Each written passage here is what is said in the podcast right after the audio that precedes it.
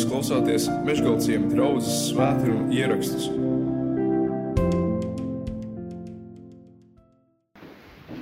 Tātad pagājušajā reizē mēs runājām par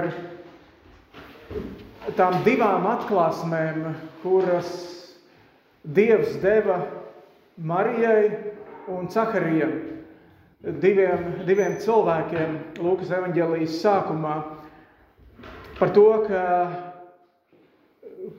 ka nāks pasaulē bērniņi. Gan Caharijam un Elizabetei, kuri jau bija ievērojamos gados un veci cilvēki, gan arī Marijai, kura bija jauna meitene, kas bija tikko sadarinājusies, bet pat vēl nebija aprecējusies ar savu līgavainu Jāzepu, un arī viņai tiek tas paziņots.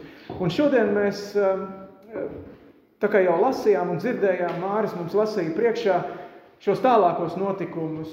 Un mēs koncentrēsimies uz šo abu cilvēku slavas dziesmām, kuras viņi dzied. Ja mēs atceramies, tad Marija īstenībā ir tādā situācijā, kur dziedāt slavas dziesmas, es domāju, ka nemaz tā negribētos. Ja, ka tu gaidi bērniņu, un tu pat vēl neesi uh, laulājusies. Un tajos laikos tas uh, nozīmē daudz, vairāk nekā uh, mūsu dienās. Taču mēs jau lasījām šī lasījumā, ka Marija, tad, kad viņa uzzina, ka viņa gaidīs bērniņu, tad viņa ceļas un dodas pie savas radinieces Elizabetes, un tur viņa pavada trīs mēnešus. Un šī Elizabete ir Jāņa Kristītāja māte? Un tad šis laiks, acīm redzot, Marijai daudz ko salika pa plauktiņiem, daudz palīdzēja, ka viņa var dziedāt šādu slavas dziesmu. Cahariju mēs savukārt atstājām tajā momentā, kad viņš ir vienkārši mēms. Visu savas sievas Elizabetes grūtniecības laiku viņš nespēja runāt. Un tad, kad viņa mute atverās, tad, kad viņas, viņa apsolītais bērns Jānis, Jānis Kristītājs vēlākais, piedzimst, tad šie pirmie vārdi, kad atveras viņa mute, ir slavas dziesma. Un tad par, tajā, par šīm slavas dziesmām mēs domāsim, Eh, vispirms tikai gribu teikt tādas divas piezīmes par slavēšanu, ko es tā domāju arī šajā tēmā. Eh, es domāju, viena lieta, kas mums ir jāsaprot, ka slavēšana, tad, kad arī mēs draudzē sanākam kopā un slavējam Dievu, kā teikt, ja, eh, tad nevajadzētu domāt, ka slavēšana ir tikai dziedāšana. Ja? Tas būtu tāds maldīgs vai nepilnvērtīgs priekšstats, ka mēs domājam, ka ka slavēšana ir tikai dziedāšana un ka slava un pielūgsme notiek tikai dievkalpojumā. Jo kas tad notiek pārējā laikā ar kristiešu dzīvi? Kas notiek pārējās dienās? Kas notiek ar tavu dzīvi kopumā? Vai tava un mana dzīve kopumā tai nevajadzētu būt vienai lielai slavas izpausmei, kas ir Dieva virzienā vērsta? Ja? Kristietis būtībā nedrīkstētu nodalīt, ka mēs, es tagad svētdienā atnāku uz dievkalpojumu, es tagad pieceļos kājās, nodziedu dziesmas, un tad ir stop, tad es vairs tālāk neslavēju. Ja? Tā, tā, slavēšana ir dažādas izpausmes, no kurām viena ir dziedāšana. Otra lieta ir tā, ka, ka šīm slavas dziesmām, un mēs lasīsim šīs slavas dziesmas, un jau lasījām, ka viņām ir saturs. Katrai dziesmai, kuru mēs arī dziedam, kā dieva slavu, um, tai būtu jābūt ar saturu, ar kaut kādu vēstījumu. Šajās dziesmās ir jābūt piedzīvojumam, kaut kādam pārdomu rezultātam, ticības augšanas procesam. To mēs redzē, redzēsim arī pie Marijas, arī pie Cakarijas. Ja? Dziesmai ir jānes vēsts. Iedomājieties, ka jūs atnākat uz baznīcu un kad mācītājs nostājas draudzes priekšā uzkāpt kancelē, jūs kā klausītāji gribat sagaidīt, lai tā būtu nozīmīga vēsts, kas jums tiek pastāstīta. Jūs taču negribat, ka es jūsu priekšā te atkārtotu eh, nu, desmit minūtes divus teikumus, vienu aiz otru, ja? uz riņķi maltu kaut ko muļātu. Bet dažreiz dziesmās mēs to darām. Un nav jau slikti atkārtot, lai tas ieskrūvējas mūsu smadzenēs, kaut kāda laba ziņa. Bet bet dziesmai arī ir jānes kāda būtiska vēsts. Ja, ja par mācītāju darbu saka, ka viena minūte, ko es runāju jums, tas ir manas apmēram vienas stundas darbs. Es vienu stundu esmu gatavojis, lai vienu minūti varētu jums kaut ko vēstīt. Ja? Tā apmēram rēķina. Tad es domāju, ka ar dziesmu ir jābūt līdzīgi. Ka tā nevar būt kaut kas tāds ķep, ķep, ātri uz īso sataisīts. Ja? Jo sprediķi, piemēram, mācītājs saka vienu reizi. Nu, ja viņš ir labs, tad viņš vēl kādreiz kaut kur citur vēlreiz atkārto to. Ja? Divas vai trīs reizes tādu to sprediķi var pateikt. Bet, ja dziesmu mēs uzkomponējam, tad dziesmu mēs dažreiz dziedam daudz biežāk. Tad dziesmai ir jābūt arī ar diezgan augstiem kritērijiem, slavas dziesmām. Tas tāds mazas piezīmes pirms tam, bet, bet kāda tad ir šo slavas dziesmu vēsts, ko dzied Marija, ko dzied Caharija? Marija, ja mēs tā pamanām, Marijas slavas dziesma ir atrodama sākot ar 46. pantu, Lūkas evanģēlī pirmajā nodaļā, tad viņa runā par tādiem vērtību apvērsumiem. Viņa dzied par to, ka Dievs tās vērtības, kas mūsu acīs liekas kaut kas augsts, Dievs pagriež kaut kādā veidā otrādi. Dieva acīs tas ir citādāk. Un tas ir visdažādākajās sfērās.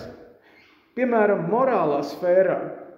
Un 51. pāns saka, viņa dzied, viņš darījis varenus darbus ar savu elkoni un izklīdinājis tos, kas ir lieli savā sirdsprātā.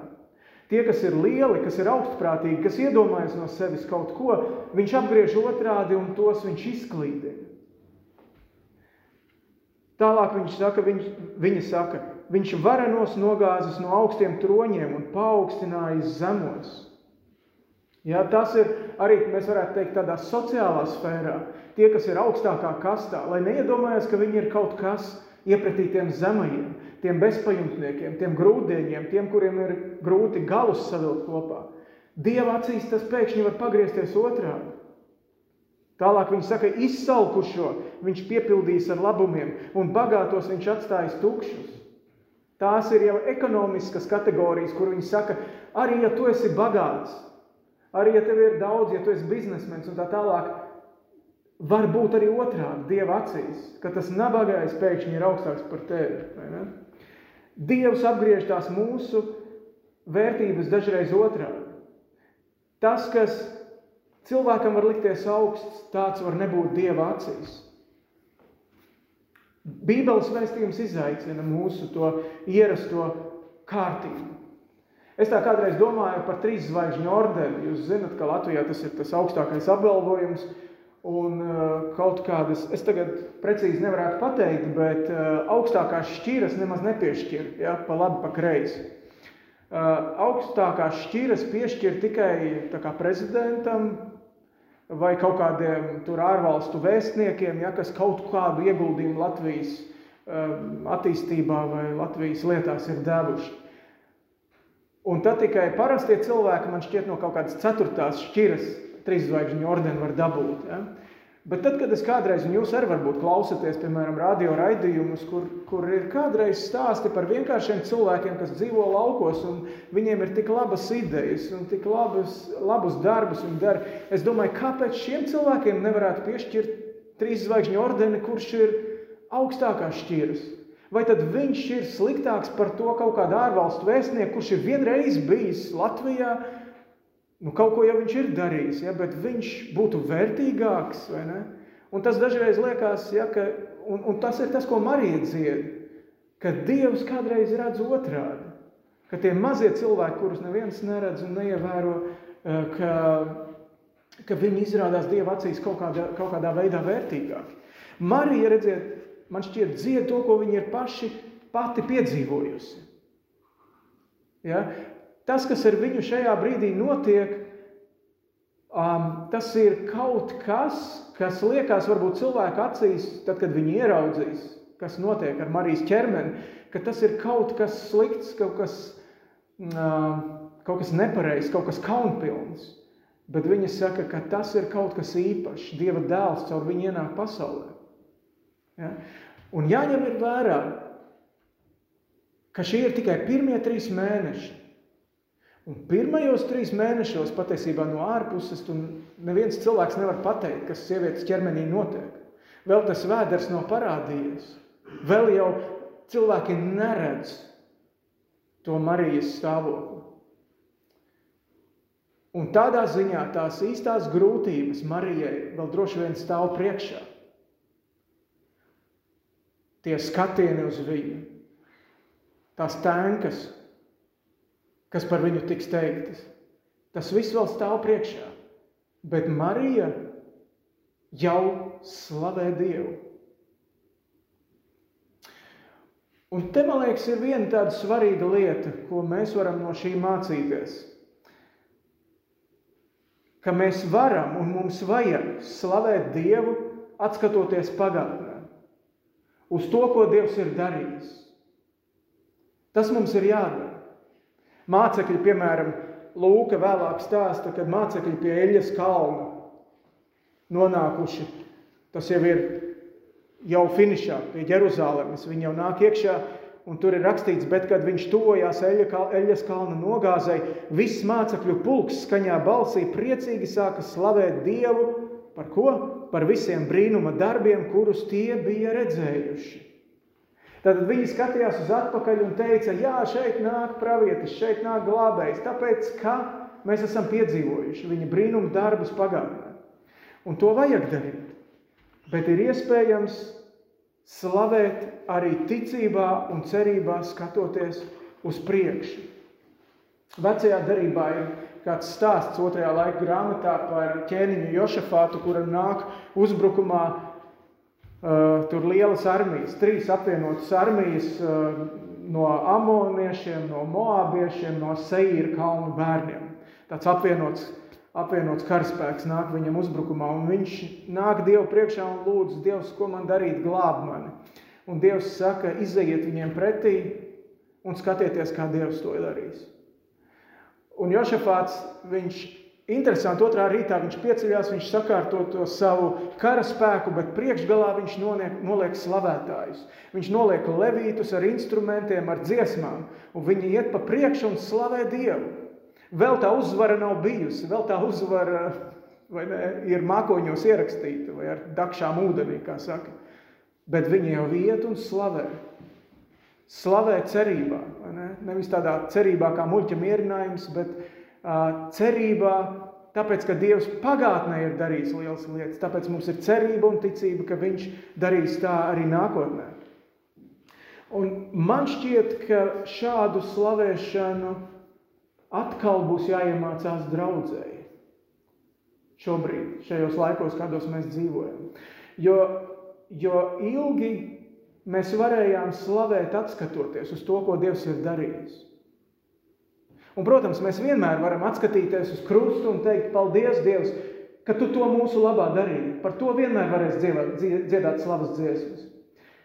Paldies, Dievs, ka tu nomiri Paldies, ka tu augšām cēlies. Tās būs vienmēr lietas, par kurām Dievu pateikties. Paldies, ka tu devi mūsu zemē brīvību, bez asins izliešanas. Tās ir lietas, atskatoties uz kurām mēs vienmēr varēsim pateikties.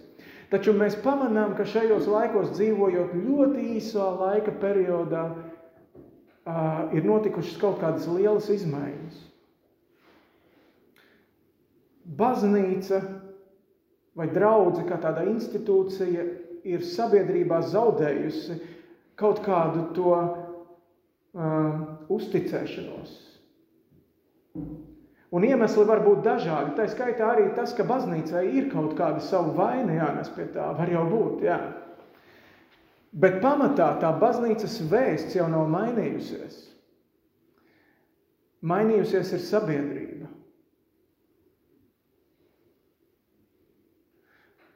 Pirms gada, piemēram, arī mēs visi lasījām ziņas un skatījāmies un domājām, piemēram, ne, nu, tajā karā Ukrainā, nu, Krievija tulīt, tulīt kritīs, tulīt būs cauri, baigš vaki viņiem iet. Tagad ir pēkšņi runas, uh, Ukrainai ir slikti. Kaut kas ļoti strauji mainās.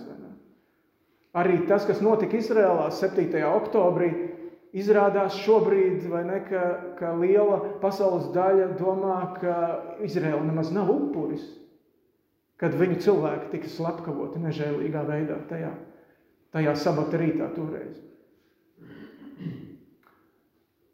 Vakar Lietuvā satiku Klaipēdā bijām spēlēja, spēlējām koncertu, satikām Lietuvas luterāņu bīskapu, un viņš teica, ļoti strauji Lietuvā, Lietuva katoliska zeme, ja, tur viņš teica tāda, nu, katoļu iespējas diezgan liels, nu, tāds kristietības iespējas.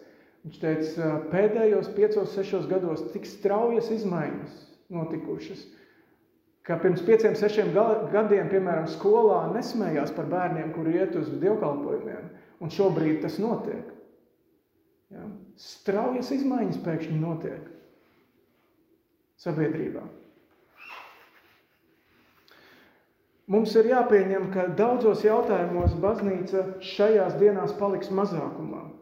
Aizvien mazāk cilvēku gribēs dzirdēt par grēku, gribēs dzirdēt par tā nopietnību, gribēs nožēlot grēkus, gribēs dzirdēt vēsti par jaunu dzīvi, par to, e, ka evaņģēlijas dod brīvību no grēka. Negribēs dzirdēt par kalpošanu Dievam. Baznīcas vēsts drīzāk būs tāds kā apvainojums, kā skandāls. Un mums būs atkal jāiemācās tic, slavēt Dievu ticībā un cerībā, skatoties uz nākotni, ka Dievs to tā neatstās, ka tas tā nepaliks mūžīgi.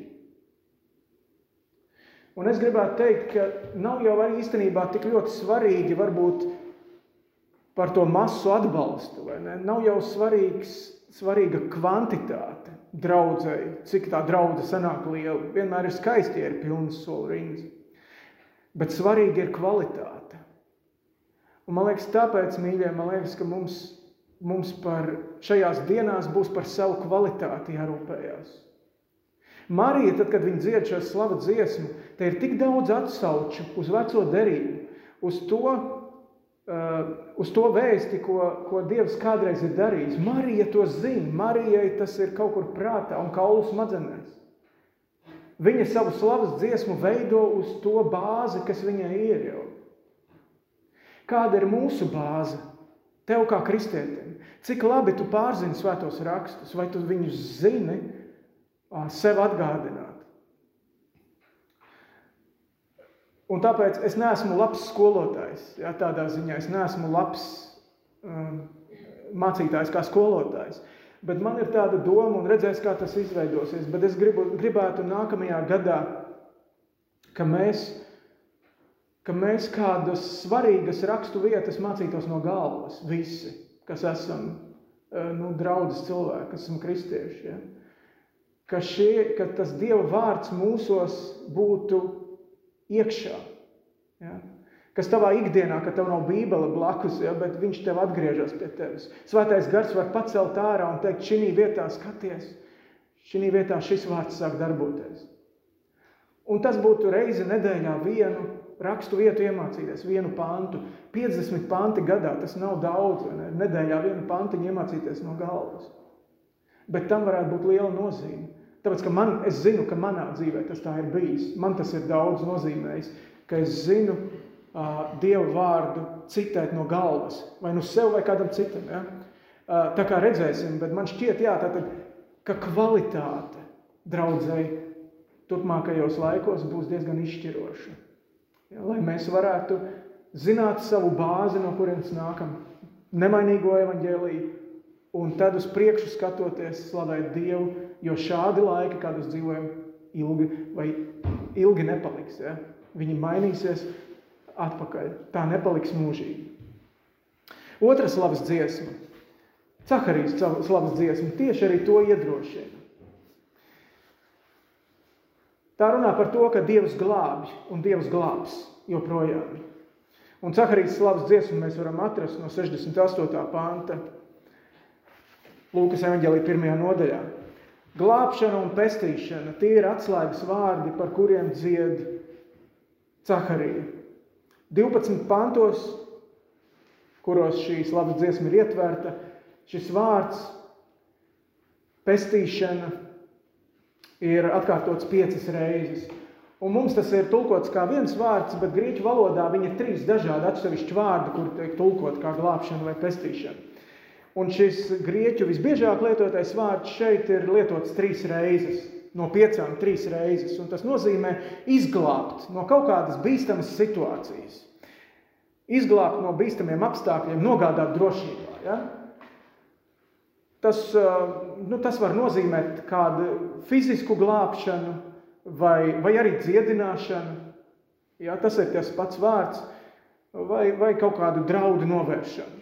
Līdz ar to glābējs būtībā var būt arī ugunsdzēsējs, kurš nodzēš degošu māju, vai, vai, vai nezinu, pludmales patruļa, kas, kas izvelk no ūdens slīkstošu cilvēku. Tas var būt glābējs. Glābējs var būt arī zobārsts, kurš sārstē tavu sāpošo zobu vai glābējs var būt arī Dievs, kurš izglābi no grēka un no soda.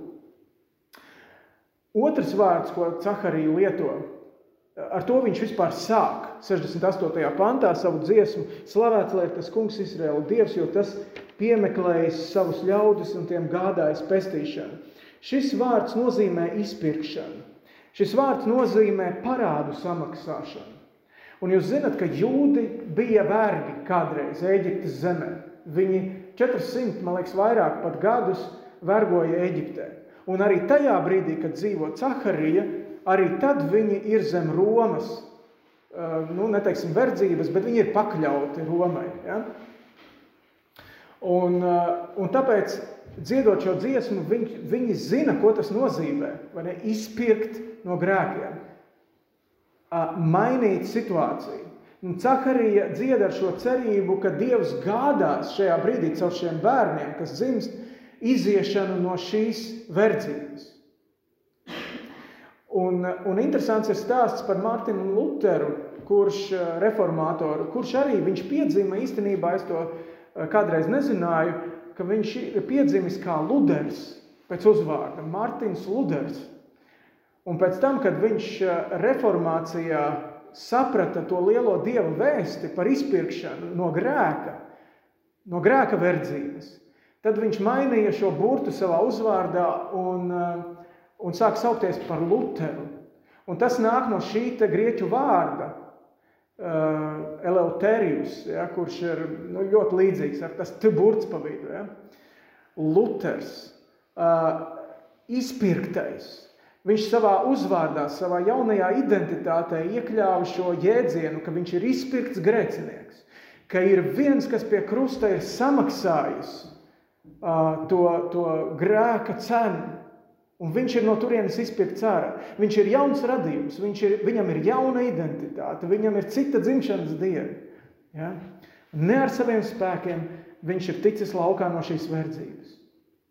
Tas ir šis otrs vārds.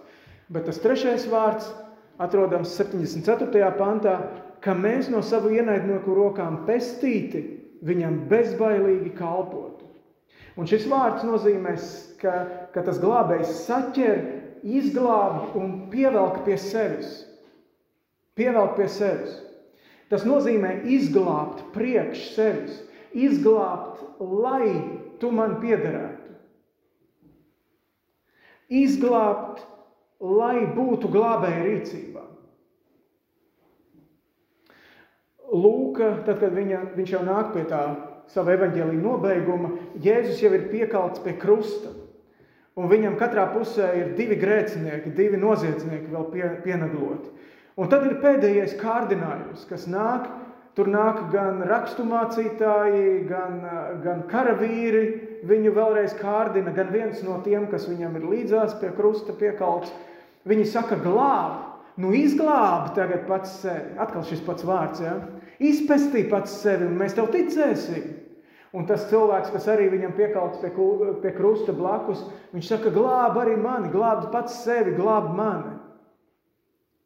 Trīs reizes nāk arī šis kārdinājums, vēl Jēzum pie krusta esot.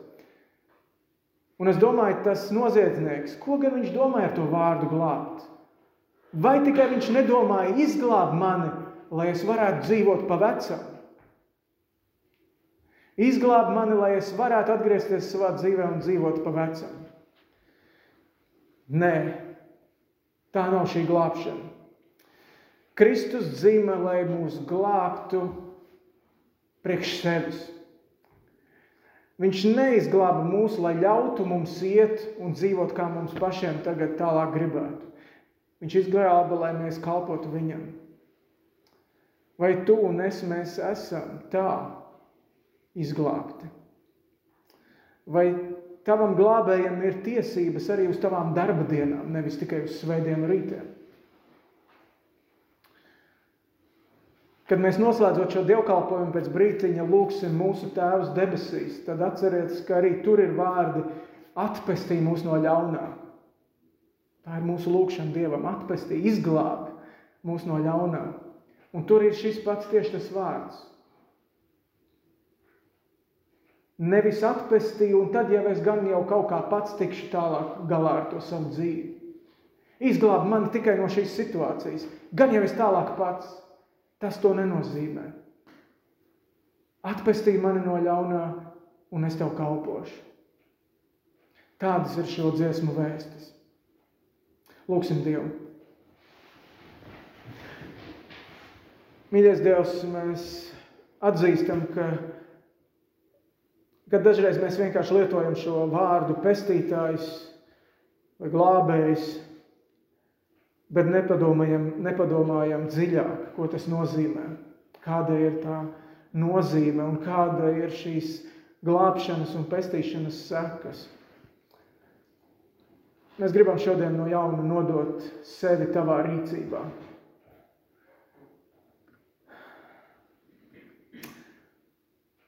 Mēs gribam būt izpirkti, lai varētu tev kalpot. Pat nērtos laikos, pat grūtos laikos. Un lai slavētu tevi par to, ko tu esi darījis mūsu dzīvēs, un, un, un vēl darīsi, pat ja mēs to vēl neredzam.